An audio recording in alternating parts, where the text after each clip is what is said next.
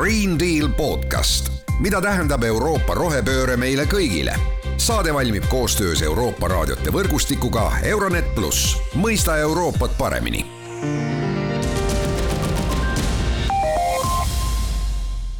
Tere, et Kuku raadio kuulajad, alustame Green Deal taskuhäälinguga, mina saatejuht Mart Valner. Ja tänases saates räägime ohtlikest jäätmetest mis saaks olla Eestis ohtlikumad jäätmed kui radioaktiivsed jäätmed? Ja radioaktiivsete jäätmetega tegeletakse hetkel Eestis vaid Paldiskis, tegeleb sellega aktsiaselts Alara. Mul käiski äh, külas aktsiaselts Alara spetsialist Alari Kruusvall, et rääkida, mida siis Paldiskis praegu hoiustatakse ja mida tehakse seal oleva vana tuumaallveelaeva õppe õppebaasi eh, reaktoriga. Paldiskis on siis endine Nõukogude Liidu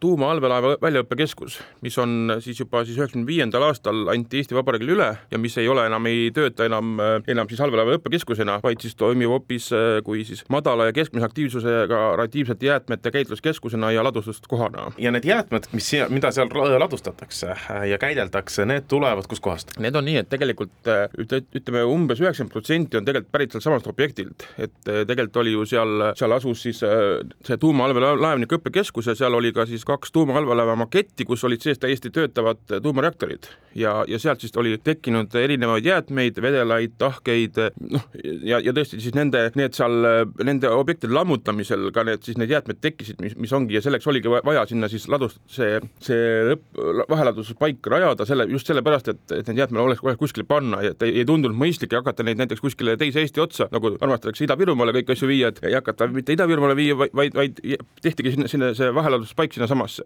nii, ja siis on, ja teine plokk on siis on need, mis tekivad praegu, et Eestis on umbes ütleme keskmiselt viis kuupmeetrit töötlemata jäätmeid äh, tuleb aastas juurde ja, ja neid tekib siis näiteks äh, metalli kokkuostudest tuleb meile siin suhteliselt palju. Ja teine suur koht on näiteks siin elektrijaamad, alajaam, alajaamad, äh, need äh, katlamajad, kus on siis need, on need põletuskatlad ja seal on sees nivoo, nivooandurid, kus siis, kus siis need, mis siis mõõdavad seal pimedates, pimedates kohtades selle radioaktiivse kiirega seal, seal nende täituvust, et, et ka need, et siis, kui see nagu selle, see kiirgustase nendes andurites all, noh, nii-öelda see maha käib nii-öelda, et siis äh, nad, nad ei ole enam kõlblikud kasutamiseks, siis antaksegi meile üle, et see ongi see nagu see põhiline voog, mis, mis praegu tekib. ma, ma kujutan ette, et see, mis praegu juurde tuleb, äh, see on suhteliselt selge, arusaadav äh, ja, ja meil on olemas igasugused standardid, kuidas sellega tegeleda mm, -hmm. me mhm. teame, meil on tehnika ja nii edasi ja nii edasi. aga see, mis kaheksakümnendate lõpust üheksakümnendatest sinna jäi, kas me kas see on ka selge, arusaadav ja tänapäeva standarditele vastav või see on midagi on see, seal on mingi sarkofaagi sees ju mingi osa sellest. jaa, noh, ongi nüüd on jälle, jälle kaks asja, et üks asi on needsamad jäätmed, mis tekkisid, et need on nüüd tõesti, need on pakendatud praeguseks mm -hmm. juba praegustele siis äh, Eestis, Eestis ja ka maailmas kehtivatele standarditele, nõuetele äh, kohaselt pakendatud ja, ja siis ladustatud sinna objektile, aga teine objekt ongi need kaks tuumareaktorit, mis järgi jäid, et need olid siis niimoodi, et, et sellist nagu selle kokkuleppe alusel, mis Eesti ja Venemaa sõlmisid, ehk siis et, et Venemaa viis, võttis välja tuumakütuse neid reaktoritest ja viis, viis ära Venemaale, aga kõik muu jäi alles sellesse ja need reaktori sektsioonid siis äh, konserveeriti, betoneeriti seest, avavused keevitati kinni ja need pead ümbritseti, ümbritseti siis kahe suure betoonsarkofaagiga, mis siis on äh, hästi sellised tugevad, mis peaksid siis äh, kuni seitsme pallist maavärinat vastu pidama ja nii, et selles mõttes nad nagu nii-öelda, et oleks tagatud nende reaktori sektsioonide siis nagu selline noh, nagu jätkusuutlik mhm. hoidmine seal pika, pikemas, pikema aja jooksul. ja aga ongi nii, et need on siis nagu need seal, seal sees olevad jäätmed on siis sellised, mil, mille, mille kohta meie noh, nii väga palju ei tea.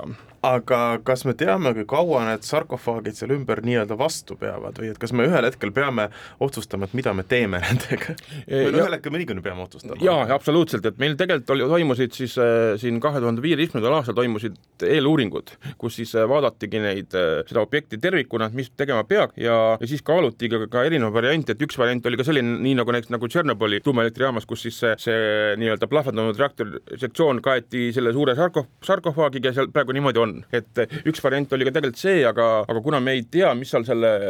mismoodi ehit-, mis meil, mis, mis sinna alla tehti, kas seal on, kas see on veekindel, et sest kuna on, on teadaolevalt see reaktori sektsioon sisaldab korrelatiivset vett, mis oli siis nii-öelda selles jahutuskontuuris sees, et, et kui see ükskord hakkab välja lekkima, et kas see läheb otse põhja, põhjavette või siis ta tõesti jääb sinna või on bassein all, mis korjab selle kinni, aga kuna me seda ei tea, me sinna alla ei näe, siis ongi nii, et siis, siis nagu see variant lükati kõrvale ja lõpuks jõutigi siis järeldusele, et kõige äh, mõistlikum oleks ta siis lõigata niisugust väikest tükkideks ja siis paigutada konteineritesse ja siis paigutada alla, maa alla sügavale, et, et nii-öelda, et ta oleks ohutult siis äh, lõppladustatud ja siis ka samuti nende uuringute käigus siis selgitati välja see, et ohutu on neid reaktorisektsioone hoida siis viiskümmend aastat pärast sulgemist ehk siis põhimõtteliselt aastast kaks tuhat viiskümmend enam see oht ei ole, noh, ohutus ei ole nagu kindel, et selleks aastaks võiks siis, siis põhimõtteliselt võiks siis need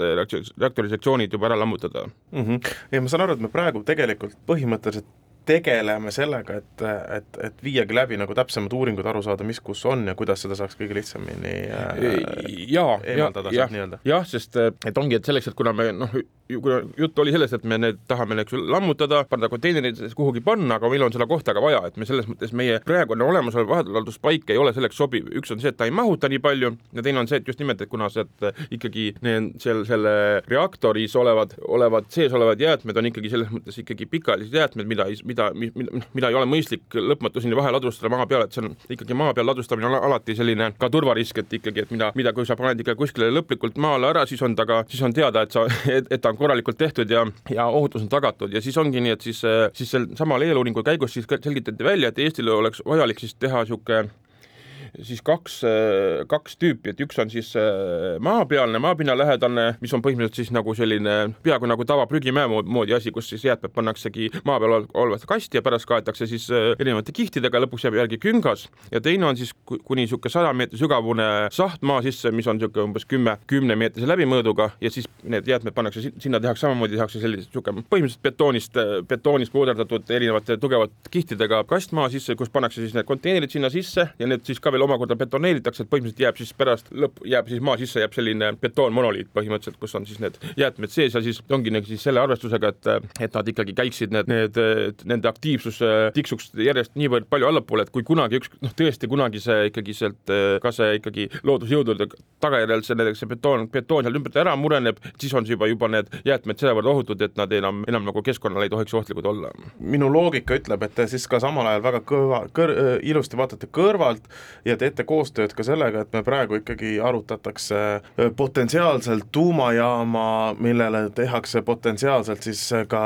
selle tuumakütuse ladustamise või jäätmete ladustamiskohti, et noh, kui üleüldse midagi sellist teha, siis need võiksid kuidagi omavahel olla seotud või sarnased või kuna minu jaoks see on täiesti võõras maailm, võib-olla mm -hmm. täiesti erinevad jäätmed ka, eks ole, millest me räägime.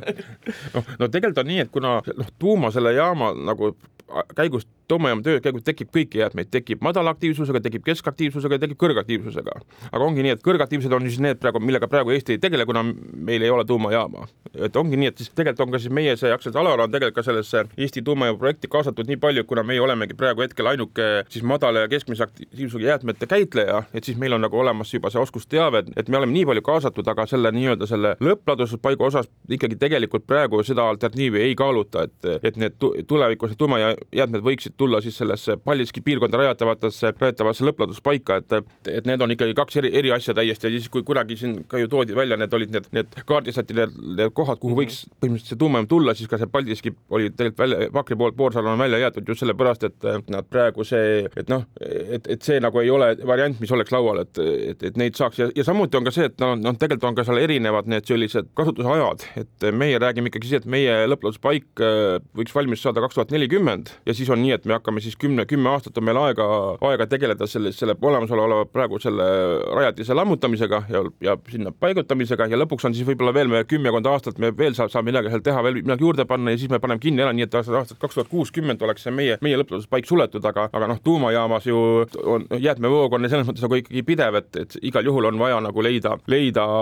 nendele jäätmetele omaette, omakorda sobiv koht ja noh ja, ja tegelikult on ka ikkagi maailmas selline praktika, et ikkagi need, need ladustuskohad tehaksegi ikkagi tuumajaama kõrvale. Paldiski juurde tulles, vaadates, mõeldes siis, ega, ega me väga palju ei mõtle selle peale, et seal kunagi olid tuumareaktorid ja, ja, ja need on seal kuskil nüüd, kuskil betooni all kinni ja, ja, ja, ja, ja olemas, kas seal on reaalselt ka mingisugune praegu olemasolev lekk oht või midagi sellist, midagi, mis võiks keskkonnale või inimestele kahjulik olla? noh, tegelikult ütleme nii, et äh, ega tegelikult ei ole, et noh, teoreetiline oht on alati olemas, et ka ja, ja ka sellepärast, sellepärast me ka igapäevaselt töötame seal, et meil on need just seesama radioaktiivne vesi, mis need reaktori sektsioonide sees on. et ongi nii, et me siis praegu nendes samades reaktori sektsioonides me oleme loonud või, või seal sarkofaagide sektsioonidele me oleme loonud siis sellised ideaalsed tingimused, et me hoiame seal sellist niisugust ühtlast temperatuuri, ühtlast õhuniiskuse taset, et, et just nimelt, et oleks nagu võimalikult välistatud nende korrodeerumine, sest noh, korrosioon on see põhiline, mis tegelikult võib siis rauale nagu mõju avaldada ja mille tulemusel võib tekkida siis sellesse korpusesse auk ja võib vesi välja, välja tulla sealt, et, et see võib-olla on nagu praegu kõige sellisem äh, reaalsem oht, et loomulikult me seal ka ise oma, oma, oma niisuguste ohuhinnang, hindamiste ja õppuste käigus me mängime läbi erinevaid stsenaariume, nii, nii territooriumile sissetungimist kui ka, kui, kui ka see, et teoreetiliselt näiteks ka, kuna lähedal on ju Ämari lennubaas, et näiteks, näiteks tuleb, kukub lennuk alla näiteks, et, et noh, ka sellised noh, loomulikult on kõik on teoreetilised ohud, et, et ja, ja nendega tulebki tegeleda ja noh, nendeks peab valmis olema, aga no ütleme nii, et nüüd, et selles mõttes tavakodanikule võime küll praegu öelda, et hetkel on need jäätmed küll ikka täiesti, täiesti väga hästi nagu ikkagi hoitud ja käideldud ja me, me, meil on ka selles mõttes, meil on seal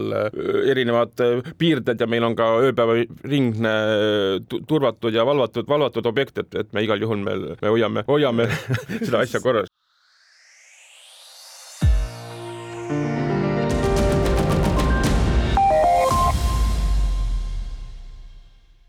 Nüüd aga liigume oma juttudega Horvaatiasse. Horvaatias valmistatakse Sovjaki kaevanduse taastamiseks. see on kaevandus, kuhu ladestati mürgiseid ja ohtlikke jäätmeid tuhande üheksasaja viiekümnendatest aastatest kuni üheksakümnendateni hinnanguliselt on kaevanduses praegu kuni sada viiskümmend kaks tuhat kuupmeetrit jäätmeid esimene hankevoor, et seda taastada, ebaõnnestus, kuna hanke võitnud ettevõtja sattus vangi altkäemaksu andmise eest sarnases Euroopa Ühtekuuluvusfondist rahastatud kaasuses. selle vältimiseks tulevikus peab protsess olema äärmiselt läbipaistev, rõhutas ökoloogiaorganisatsiooni Eko Kvarner president Vjeran Piršić neophodno je napraviti odgovarajuću količinu napora da se kroz stručne skupove i kroz komunikaciju sa javnosti na popularan način on vaja teha piisavalt pingutusi, et läbi ekspertkohtumiste ja avalikkusega suhtlemise selgitada, millises staadiumis praegune taastamisprojekt on ja millised võivad olla võimalikud riskid selle käigus. Kõigis demokraatlikes riikides, kus on tugev avalik ühiskond, nõutakse selliste ohtlike projektide puhul läbipaistvust, et vältida olukorda, kus üks väike osa niinimetatud ettevõtjatest lähevad mõnikord kõige kriitilisemate jäätmete korrastamise juurde, näiteks Sovjaki puhul, ilmuvad ja üritavad oma tehnoloogiat maha müüa. Meie professionaalne ja asjast huvitatud avalikkus ja meedia peab samuti survet avaldama neile, kes seda teevad, et avaldada oma info ja mitte hoida selliseid projekte vaid niinimetatud vabamüürlaste seltsi läbipaistvustasemel. Green Deal podcast, mida tähendab Euroopa rohepööre meile kõigile saade valmib koostöös Euroopa raadiote võrgustikuga Euronet pluss, mõista Euroopat paremini